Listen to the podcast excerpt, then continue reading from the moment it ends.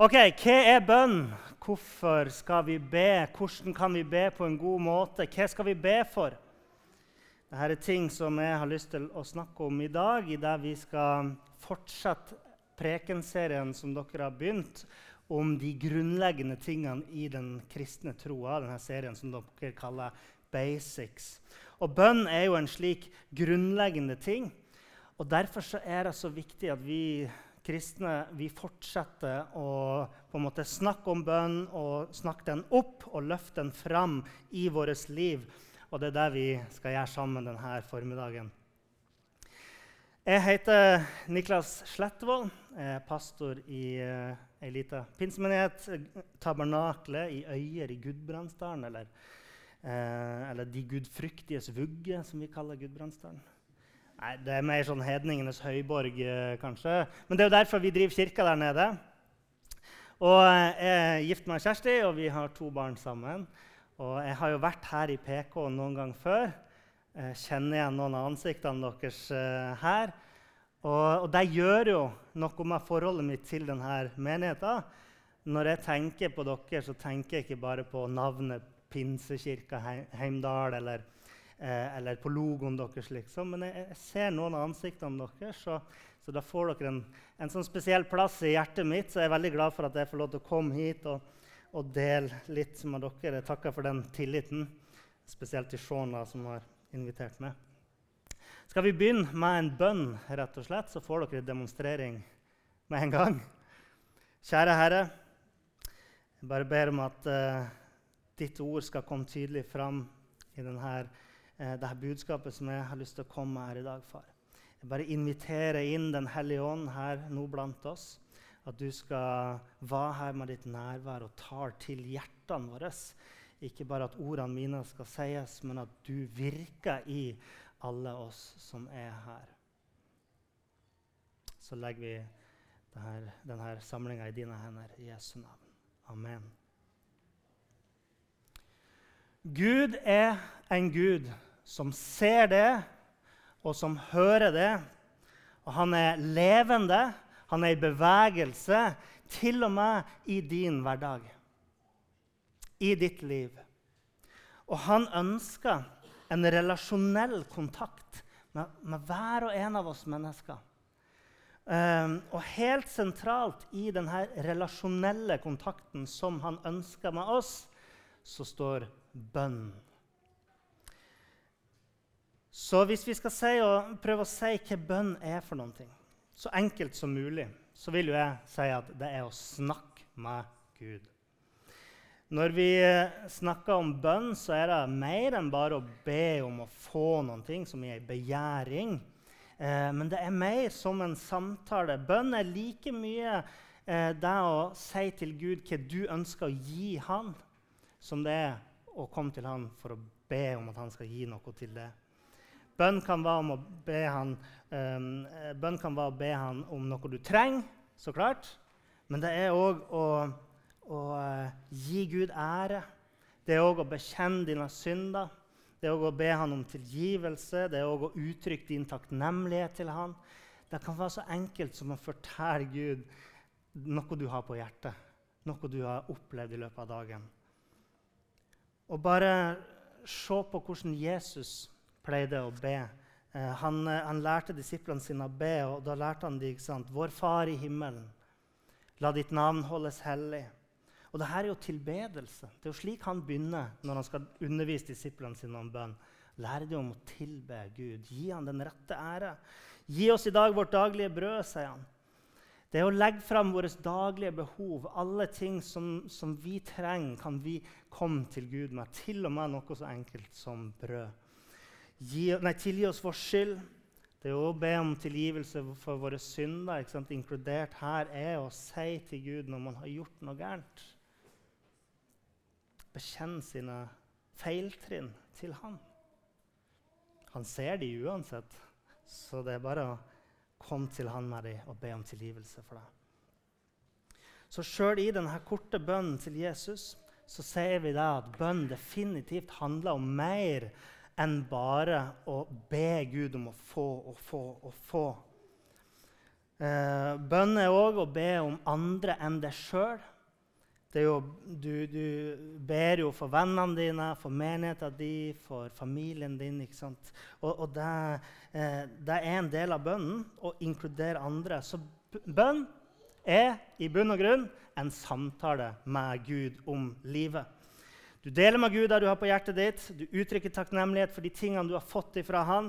Du uttrykker din tro på Han, du tilber Han, du bekjenner ting som har gått gærent. Det er en samtale med Gud om livet.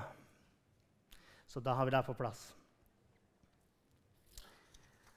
Men så er jo bønn òg litt annerledes enn andre samtaler fordi at eh, Bønn er ikke bare en samtale som man litt sånn tilfeldigvis hopper inn i. Men bønn er et påbud som Bibelen gir oss. Lukas 18, 18,1 der står det Så fortalte han, altså Jesus, dem en lignelse om å alltid være utholdende i bønn og ikke bli trette. Romerne 12, 12, Vær glade i håpet, tålmodige i motgangen, utholdende i bønnen. 1. Tessalonikerne 5, vers 16-18. Vær alltid glade, be uavbrutt, takk Gud under alle forhold. Jesus var sjøl et levende eksempel på hvordan et rikt bønneliv vil se ut. Vi kan lese om hvordan Jesus ofte ville komme seg vekk fra store folkemengder for å be. Til og med komme seg vekk noen gang fra disiplene sine for å be. Vi, vi leser om hvordan han, han, ba om morgenen, han ba om kvelden, han ba i løpet av dagen. Eh, han ba om at Guds vilje skulle skje. Han ba takkebønner, han ba lovprisningsbønner. Han ba for de troende, han ba for de ikke-troende, og han ba til og med på korset for de som hadde hengt han der. Samtidig så tror jeg da at vi er mange som har en følelse av at vi ikke strekker til i vårt liksom, bønneliv, i våre samtaler med Gud. Og Jeg vil si noen ting om det, fordi jeg tror vi trenger å oppmuntre oss sjøl litt noen gang når det kommer til akkurat denne delen av det som har med bønn å gjøre. Fordi Det er sikkert mange av oss som vet ikke sant, det Bibelen sier om bønn. At den, den formaner oss ganske sterkt til å liksom, være aktiv i bønn. Kom til Gud gjennom bønn. Uh, og så er det liksom i hverdagen vår det er så mange ting som skal gjøres. Det er så mange ting som frister, som forstyrrer, og som på en måte bare gjør at vi ikke ber uh, kanskje så mye som vi har lyst til å be. Og da er det en litt sånn morsom detalj som jeg ofte tenker på i Apostlenes gjerning, kapittel 10. Der er det en liten historie om Peter. Han skal opp på taket, hustaket for å be. Jeg òg pleier ofte å klatre opp på taket mitt for å be. Eh, nei, jeg gjør ikke det. Men Peter skulle opp på taket for å be. Og Der står det en sånn morsom detalj. Der står det i Apostelens gjerning 10, vers 9-10. Dagen etter, mens de var på reise dit og nærmet seg byen, gikk Peter opp på hustaket for å be. Det var omkring den sjette time. Da ble han sulten og ville spise. Og det er sånn, Jeg vet ikke hva som var nødvendig for Lukas med å ta med den setninga. Og vi skal ikke legge for stor vekt på akkurat det. Men det kan jo virke som at Peters bønn ble avbrutt fordi han var sulten. Og hvor mange kan ikke kjenne seg igjen i det? At det kommer en helt sånn hverdagslig ting som bare Ja, nå må jeg bare gå og spise. Nå kan jeg ikke be mer. ikke sant? Poenget mitt er at sjøl om vi formanes til å be, så er det ofte andre ting som dessverre kommer i veien. For når man skal be, så skal man først bare lage middag. Og så skal man bare støvsuge. Og så kanskje du skal ut og stable litt ved. Og så skal du bruke tid med ungene, ikke sant? og så skal du slappe av på sofaen og du skal se litt på TV. Og du skal spise litt kveldsmat. Kanskje du skal ta en liten dusj. Og så kanskje du må scrolle litt på telefonen før du legger deg. Og så kanskje ble det litt lite tid til å be, og så kanskje bare ber jeg i morgen i stedet for. Sånn går mange sine dager. Prokrastinasjon er det fine ordet for det, som noen gang fører til dårlig samvittighet. Men som så ofte i Bibelen så knytter Gud noen veldig oppmuntrende løfter til bønnen. Og når du kanskje føler deg demotivert og kjenner at du ikke strekker til og er på det stedet i forbindelse med bønn som det du ønsker å være, så er det viktig å minne oss sjøl på de løftene som Gud har gitt oss. Eh, I Jesu mest kjente tale i Bergprekenen der eh, sa, sier han i Matteus kapittel 7, vers 7-11 at Be, og det skal bli gitt dere. Let, og dere skal finne. Bank på, og det skal bli åpnet for dere. For hver den som ber, han får. Den som leter, han finner. Og den som banker på, skal det bli åpnet for. Hvis altså dere som er onde, vet å gi gode gaver til deres barn, hvor mye mer skal ikke da deres far i himmelen gi gode gaver til ham, han som ber ham? Og Jesus sa lignende ting andre steder, som i Johannes 14, 14. Hva som helst dere ber om i mitt navn, det skal jeg gjøre, så Far skal bli herliggjort i Sønnen. Dersom dere ber om noe i mitt navn, skal jeg gjøre det. De her tingene som Jesus sier om bønn, de betyr at Gud hører det. Han lytter til dine bønner. Eh, det er ikke sånn at eh, Gud allikevel er som en ånd i lampe. Du vet sånn lampeånd, du gnir på lampa, og så kommer det en ånd. Det noen som har en sånn, så si gjerne ifra, for jeg vil gjerne se den. Men eh, han er ikke bare en sånn ønskegud der du bare kan komme med alle dine ønsker og få akkurat der du vil, fordi tankene våre, nei, bønnene våre er ofte prega av egoistiske begjær ting som vi har lyst på, men som bare tjener med, og som ikke tjener Guds sak. F.eks. i Jakob 4,3 der står det dere ber og får ikke fordi dere ber galt, for å sløse det bort i deres lyster. Jeg har jo mange ganger bedt en liten bønn når jeg kjøper skrapelodd. Vær så snill, Gud, bare én til. Nå har jeg jo 2,25 allerede. Og så ber jeg en bønn, og så får jeg Noen ganger har jeg fått en til 25, og da vinner jeg 25 kroner. Så det funker å be, altså. Neida, men hvis vi virkelig begynner å snakke om store beløp, sånn som Eurolotto Du kan vinne 1 milliard kroner når det er sånn eh, gull-eurolottotrekning. Tenk på det. Men hva hadde skjedd hvis jeg hadde For jeg har kjøpt lodd ikke sant, sånn lottolodd til Eurolotto. Hva hadde skjedd hvis jeg hadde vunnet det? Noen ganger så skremmer jeg ved tanken. Men det er jo litt, det er jo litt sånn menneskelig å ha lyst til å vinne. Men hva hadde skjedd da? Kan jeg stole på meg sjøl at jeg vil forvalte den premien godt? Kjenner jeg meg sjøl nok til å vite at jeg ikke kommer til å bli grådig? At ikke den, den her, den, de her pengene kommer til å fortære meg og spise meg levende og forandre meg til, til noen jeg egentlig ikke er? Fordi Det er jo eksempel på eksempel på mennesker rundt i verden som har vunnet sånne enorme beløp, sånn spesielt borti USA. Eh, og så og så bare ender de opp med mindre enn de hadde til å begynne med. En mann jeg leste om borti USA, han vant så mye penger. Og han hadde et godt liv fra før. Men etter noen år etter han vant dette beløpet, så hadde han mista kona sine, huset sitt, jobben sin, familien sin og bodde på gata. Livet hans ble ødelagt fordi han fikk det han ville ha. Det er som den bortkomne sønn. vet du. Så vi skal ikke være sikre på at alt vi ønsker oss, nødvendigvis er godt for oss. Noen ganger har jeg sagt takk Gud for at du noen gang svarer nei på mine bønner. Dere som har barn, vet hvor viktig det er å si nei til ungene deres innimellom. Jeg tror at mange eh, Hvis jeg hadde sagt ja til ungene mine hver gang de spurte om ting, så hadde ikke de vært her i dag. For å si det sånn. For de spør om så mye rart. 'Pappa, kan jeg få kjøre bilen?' 'Ja, kjære sønn.' Du er jo tre år nå, så det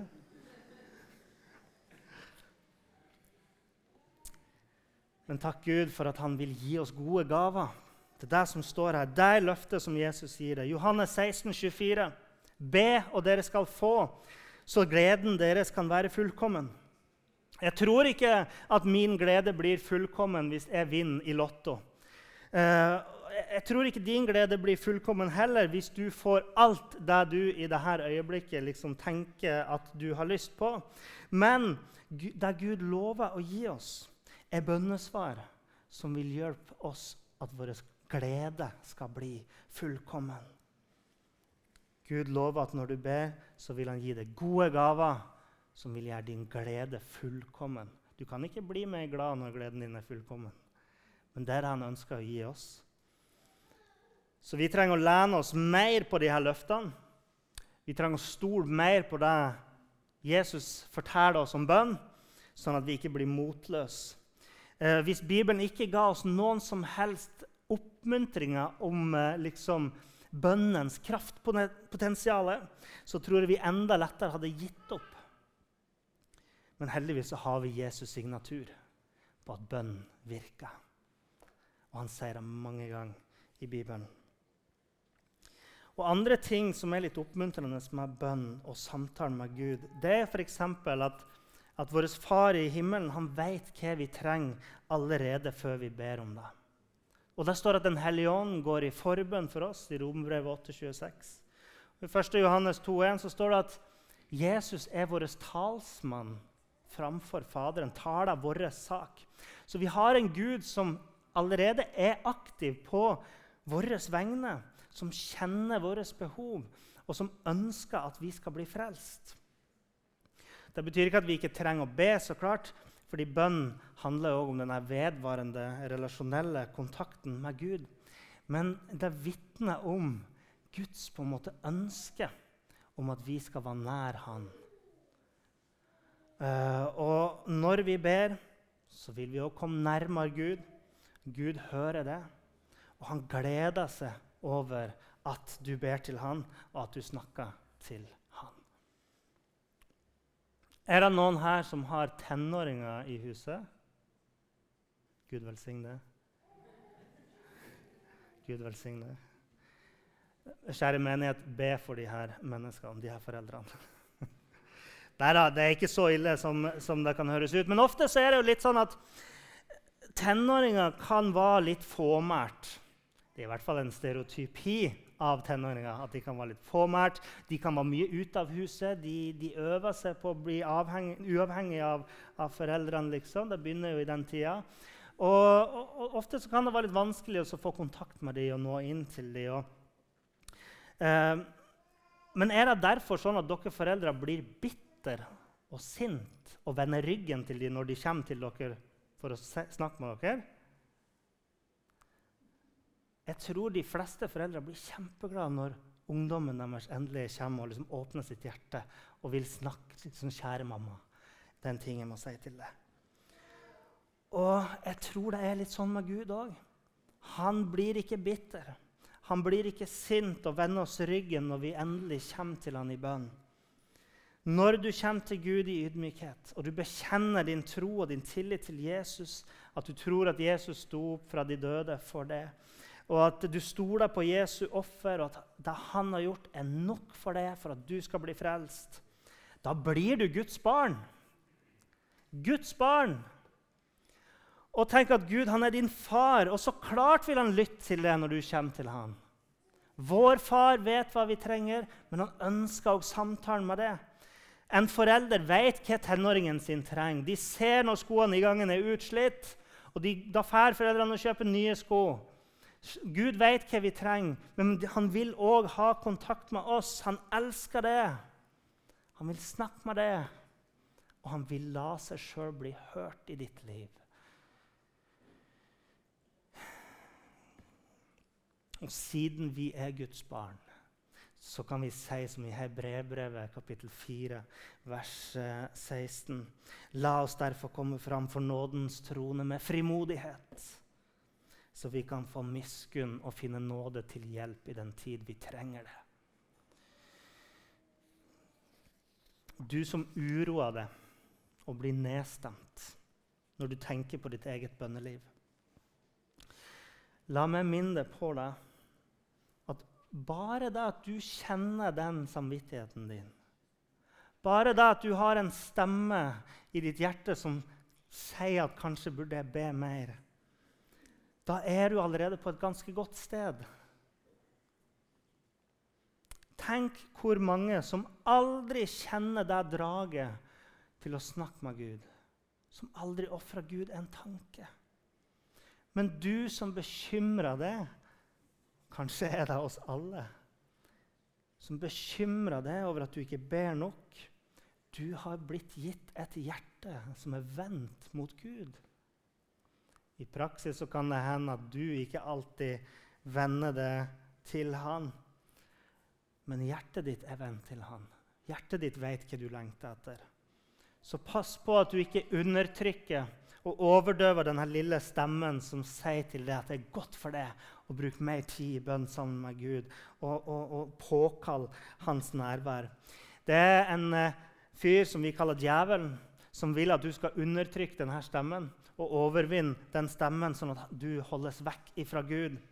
Men du er Guds barn, og i ditt hjerte så hører du Guds stemme som sier, 'Ikke glem meg i hverdagen din'. Amen.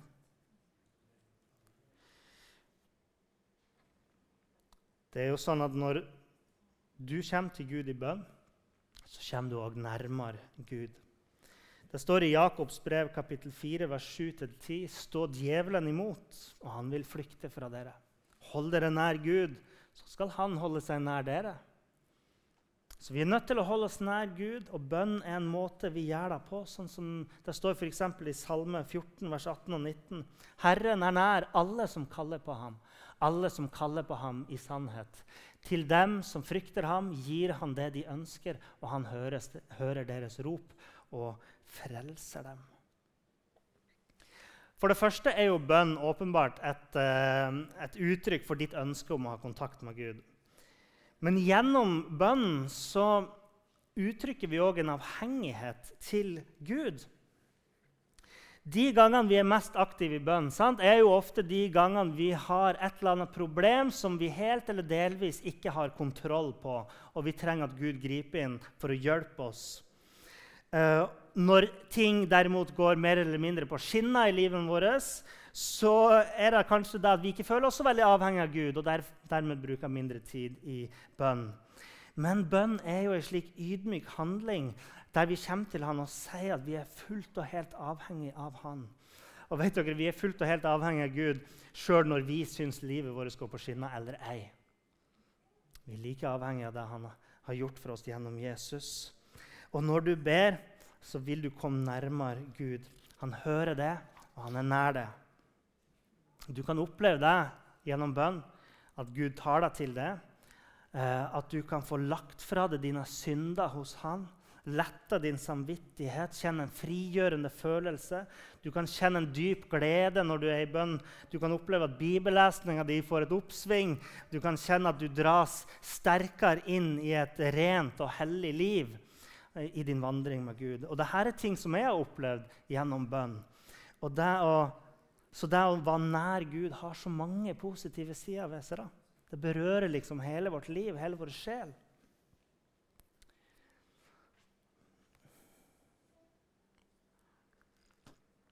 Jeg føler meg alltid som en sånn proff predikant. Jeg er jo for så vidt det. Jeg føler meg alltid som proff predikant når jeg tar sånn slurk med vann underveis. For det er sånn som jeg alltid har sett at som predikanter gjør. En annen funksjon ved bønn er ikke bare at den drar oss nærmere Gud, men det er at gjennom bønn så styrker vi hverandre. Det er for det første fordi at bønn er ikke bare et enkeltmannsforetak, men det er òg noe som vi gjør i fellesskap. Mange ganger i Bibelen kan vi lese om bønn som blir gjort i fellesskap. Eh, og Jesus sa òg i Matteus kapittel 18, vers 19-20 om to av dere på jorden blir enige om noe de vil be om, skal det bli gjort for dem av min far i himmelen. For hvor to eller tre er samlet i mitt navn, der er jeg midt iblant dem.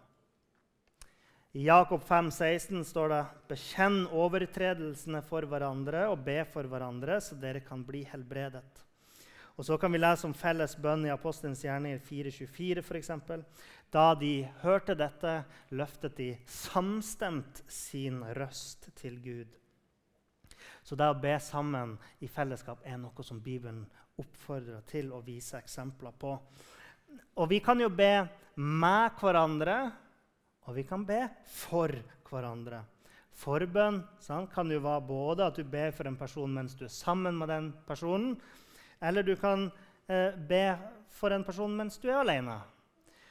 Og min erfaring er at begge disse typene felles bønn eh, gjør noe med oss. Jeg har f.eks. en liste over personer.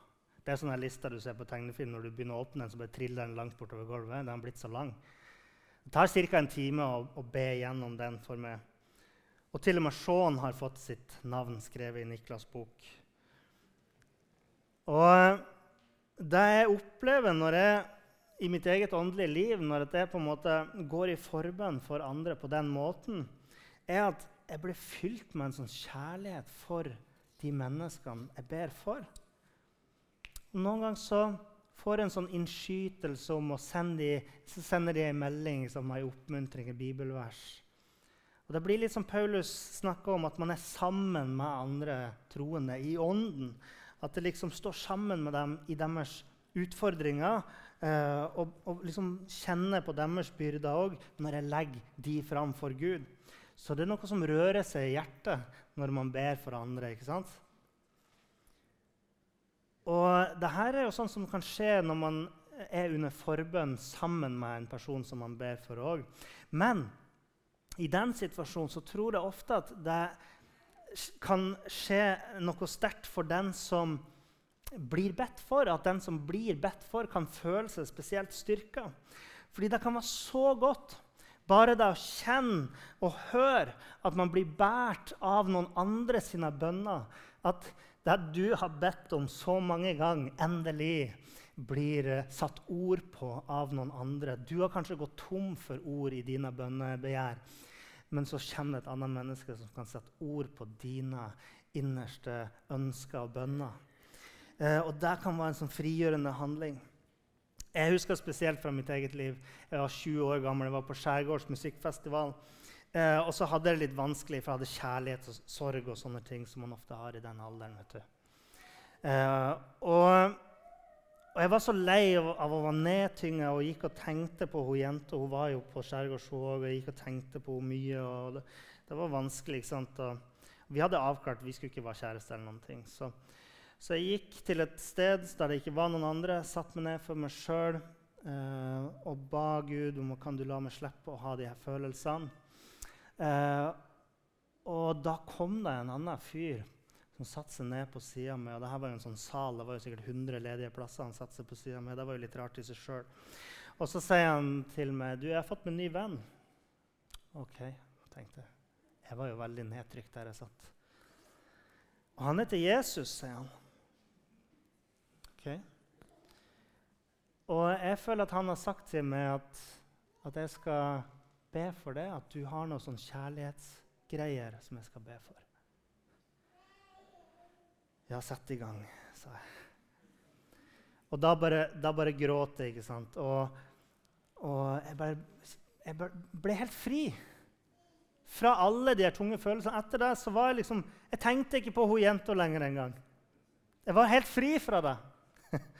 og det, det var mer enn en tilfeldighet for meg. Det var Gud som var virksom i, gjennom de her bønnene. Eh, og det var en trofast Guds venn som hadde kommet dit ved min side og ba for meg. Så Gud hører bønnene våre. vet du. Og Ånden som er i oss troende, gjør at vi i fellesskap kan løfte fram bønner til Gud. Til og med når vi er lei og vi er tom for ord, så kan et annet menneske gå ved siden av oss og be for oss med sine ord. Men så tror jeg òg det er en annen måte. At vi kan kjenne at vi blir styrka gjennom det å be sammen.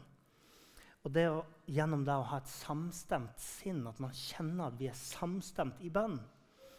Jeg husker Tidligere i høst så var jeg på en sånn konferansegreier, og, og jeg ba i en liten gruppe med folk jeg ikke kjente. Og så kom det en tanke med en sånn veldig sånn spesifikk ting som jeg tenkte at det her har jeg lyst til å be for. Og akkurat da så, så, begynte jeg og de andre å be for akkurat det jeg hadde liksom tenkt på der og da.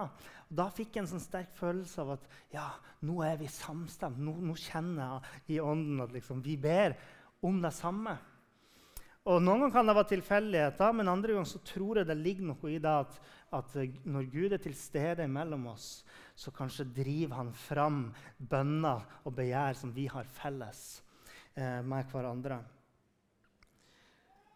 Så jeg tror Ånden er til stede iblant oss når vi ber.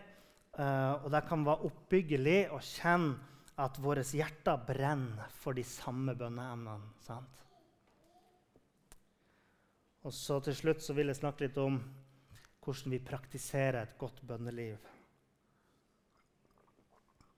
når Paulus bruker uttrykk som um, 'be alltid', 'vær utholdende i bønn', 'be uavbrutt', så mener han heldigvis ikke at du skal gå rundt og si bønnene dine hele dagen og forsømme alt annet i livet ditt. Um, men det betyr at du skal ha en sånn innstilling gjennom dagen, en himmelvendt holdning kan vi kalle det, fra morgenen til kvelden. At vi har en villighet sant, til å sette av tid i bønn, til å investere oss og rette vårt fokus oppover gjennom dagen. Og jeg har noen enkle tips som sikkert er helt unødvendig for uh, de flinkeste bønnekjempene her i menigheten, og som er helt banebrytende for de av dere som ikke ber så mye. Mitt første tips er å starte dagen med en bønn. Mange ber jo på kvelden, men jeg har begynt å be om morgenen. Fordi For meg så har jeg en sånn vane med å liksom Det første jeg gjør på morgenen, er å ta fram mobilen min og hilse den blå skjermen. Men så blir det liksom aldri noe bønn på morgenen. For det er det telefon. Bare sjekk ting først.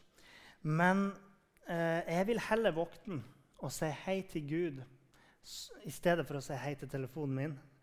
Fordi at jeg vet at Gud er der på soverommet når jeg åpner øynene mine. Og, og jeg ønsker at, han, at, jeg skal anerkjenne hans nærvær i mitt liv helt fra morgenen av. Fordi da kjenner jeg gjennom dagen at det er som om jeg har en større bevissthet på hans nærvær og tilstedeværelse sant? gjennom dagen når jeg starter med det. Før jeg sier god morgen til Kjersti, så sier jeg en liten bønn til Gud. Noen ganger en lengre bønn, men det kan òg være en liten bønn. Gud, hjelp meg i dag. Nummer to be korte bønner gjennom dagen. Ofte så gjør jeg det. Ber korte bønner i løpet av en dag. Sant? Det kan være en kort setning som um, 'Takk for regnbuen'. Den så jeg her i går. Jeg var ute og gikk en tur her i Heimdal i sola. Det var jo selvsagt regn samtidig som det var sol, og da kjente jeg nå er jeg i Heimdal. Trøndelag, vet du regn og sol. Jeg venta bare på blest og snø og sno. Men eh, det var regn, og så i regnbuen. Takk Gud for regnbuen, for det er din skrift på himmelen, ditt løfte til oss mennesker, sa jeg. Og, og, og, det er en ting som man kan gjøre som hjelper oss til å kjenne på en pågående samtale med Gud, med sånne mikrobønner. Uh, men sånne små bønner bør heller ikke erstatte det å be litt sånn lengre bønner. Fordi, for det tredje, så tror jeg at man òg bør sette av tid til bønn. Fem minutter, ti minutter, en time, 48 timer i strekk. Jeg vet ikke. Du må starte på et punkt der, der du er komfortabel med å, å, å, å bruke den tida med Gud. Og litt er bedre enn ingenting. Gud er glad for dine bønner. Og En av grunnene til at jeg sier at vi bør sette av litt tid, litt mer enn bare en setning i ny og ne, eh, sette litt mer tid til, til, bønn, er at da kan du gå litt dypere inn i dine egne og andres sine bønnebehov. Sant? Ofte når vi ber sånne bitte små bønner, når jeg tenker på eh, en, en, kompis og så ber en kort bønn for han, så, så ender man kanskje med å forsømme mange av de andre tingene man burde be om i livet sitt. Sånn at vi bør sette av mer tid til bønn.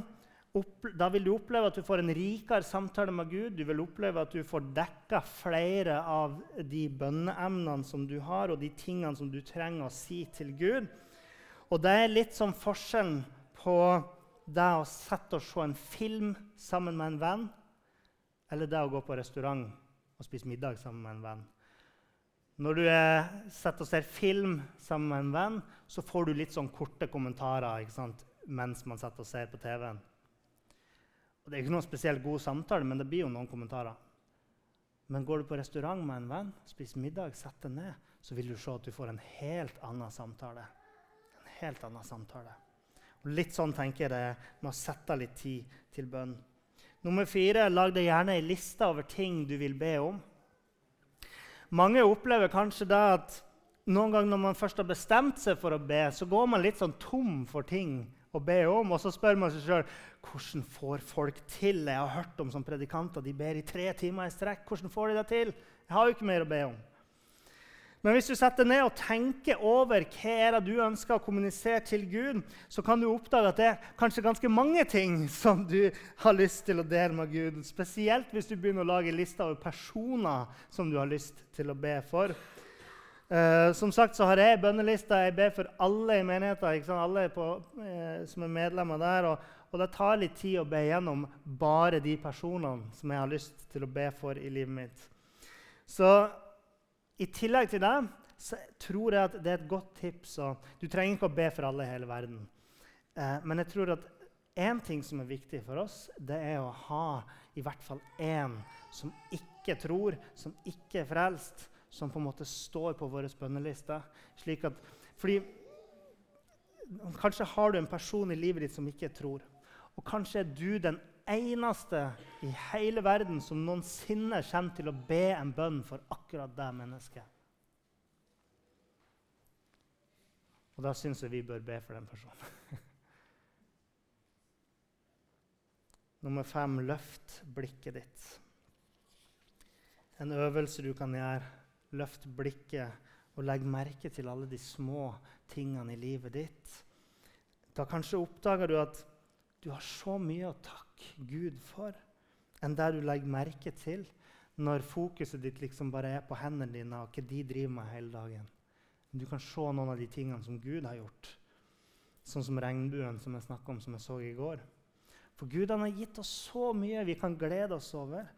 Og, og, jeg tror at det er viktig at vi på en måte legger merke til det, og at vi forteller Gud og takker Han eh, for det. En annen ting er at vi òg kan legge merke til syndene våre. Ta oss tid til å faktisk bekjenne syndene våre, som vi gjør i løpet av en dag. Og legge det fram for Gud og si 'tilgi meg'. Og Grunnen til at jeg tror at det er så viktig, det er ikke for at du skal gå og føle på skam hele dagen. fordi det er det motsatte jeg vil du skal føle. Du skal føle på frikjennelse i Kristus. Men det er fordi at når at jeg ber Gud om tilgivelse gjennom dagen, så er det mye lettere for meg å tilgi. Fordi da, da er jeg alltid bevisst på mitt behov for tilgivelse. Sant? Vi er kalt til å tilgi andre slik vi har blitt tilgitt sjøl. Nummer seks be ut ifra Bibelen. Det var helt tilfeldig her om dagen så kom over en gammel artikkel i Dagen. Kanskje noen har delt den på Facebook. Der det var ei dame som var frustrert over at hun opplevde at hun hadde et fattig bønnespråk spesifikt når hun ba for ungene sine. Hun visste ikke hvilke ord skal jeg bruke, og hun endte ofte bare med bønner som 'Kjære Gud, bevar ungene mine eh, og velsign de Jesu navn. Amen'. Og så fikk hun tips om å be ut ifra ordspråkene som jo er skrevet som fra en far til en sønn. Og så skriver hun vi åpnet biblene våre, og hver enkelt brukte ett vers for å strukturere bønnen. Jeg svelget frykten for å dumme meg ut og satte i gang med å si Himmelske Far, så leser de fra ordspråkene. Himmelske Far, la våre barns øre være vendt til visdommen og deres hjerter bøyd til klokskapen. En annen stemme skjøt inn. Lær dem å rope etter innsikt og løfte sin røst for å kalle på forstanden. Lær dem å søke visdom som, søker, som om de søker etter sølv, og lete etter visdom som om de graver etter skjulte skatter. Er det ikke vakkert hvordan Bibelen kan sette ord på våre dypeste ønsker og lengsler når vi ber? At vi kan bruke de ordene som er skrevet, til å uttrykke våre bønner. Så det å bruke bibeltekstene i seg sjøl i våre bønner tenker jeg er et godt tips til et rikere bønnespråk. Men jeg bruker òg den en måte, strukturen som Jesus lærte oss i Fader vår, eller vår far. Eh, at jeg tar ofte utgangspunkt i den når jeg ber, så jeg begynner med lovprisninga. Og, og, så bare bruker jeg mine egne ord, bygger på med mine egne ord der. Så det kan være en måte å gjøre det på. Mitt siste tips er at du bør oppsøke et bønnefellesskap. Kanskje har dere bønnemøter her i menigheten. Kanskje har dere smågrupper. Uh, uansett så tror jeg det er en god ting at menigheter fasiliterer sånne her bønnesamlinger. fordi uh, jeg tror det kan hjelpe folk til å være mer aktive i bønn. Og når man gjør det, så får man jo for det første de, alle de fordelene jeg snakker om, å be sammen med andre.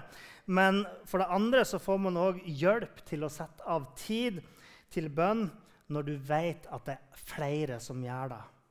Kanskje har du opplevd det. Jeg har hatt en treningskompis, og det er veldig bra å ha.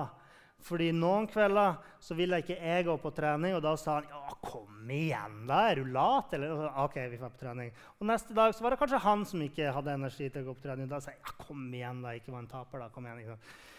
Nei da, vi, vi, sa kanskje ikke sånne ting, men, men vi sa kom igjen, da. Og det hjelper. Og har vi satt av tid som fellesskap den og den dagen, så ber vi, så er det mye enklere å komme sammen. Så det er mitt, mine enkle tips. Bønn er en samtale med Gud, der du kan dele alt du har i ditt liv, og du kan be om å få ting fra Gud. Samtidig som at Bibelen formaner oss om å, de, om å eh, leve i bønn, så oppmuntrer den òg oss om de løftene som blir gitt i forbindelse med bønn. Når vi deltar i bønnesamtalen med Gud, så dras vi nærmere Gud, samtidig som det òg er med på å styrke fellesskapet vårt og fylle oss med kjærlighet og omtanke for andre. Og jeg har foreslått sju tips til å få et mer aktivt bønneliv, som står på tavla her. Og jeg er noen gang litt urolig for at vi Kanskje er mange kristne som ikke helt har funnet den store gleden i et aktivt bønneliv.